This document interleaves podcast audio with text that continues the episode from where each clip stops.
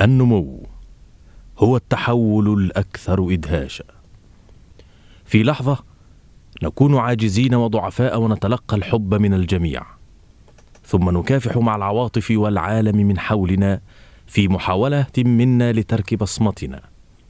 سنكشف عن الأسرار الرائعة المرتبطة بالنمو عن العشرين سنة التي تحولنا من أطفال عاجزين إلى أطفال متنبهين.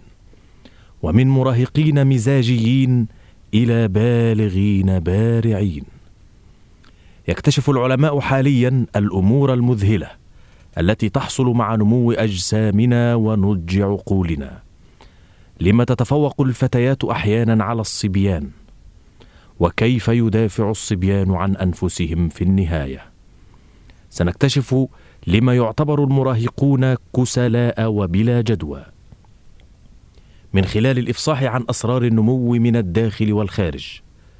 سنكتشف كيف أن هذه السنين هي التي تسقل شخصيتنا بكل تفاصيلها المذهلة.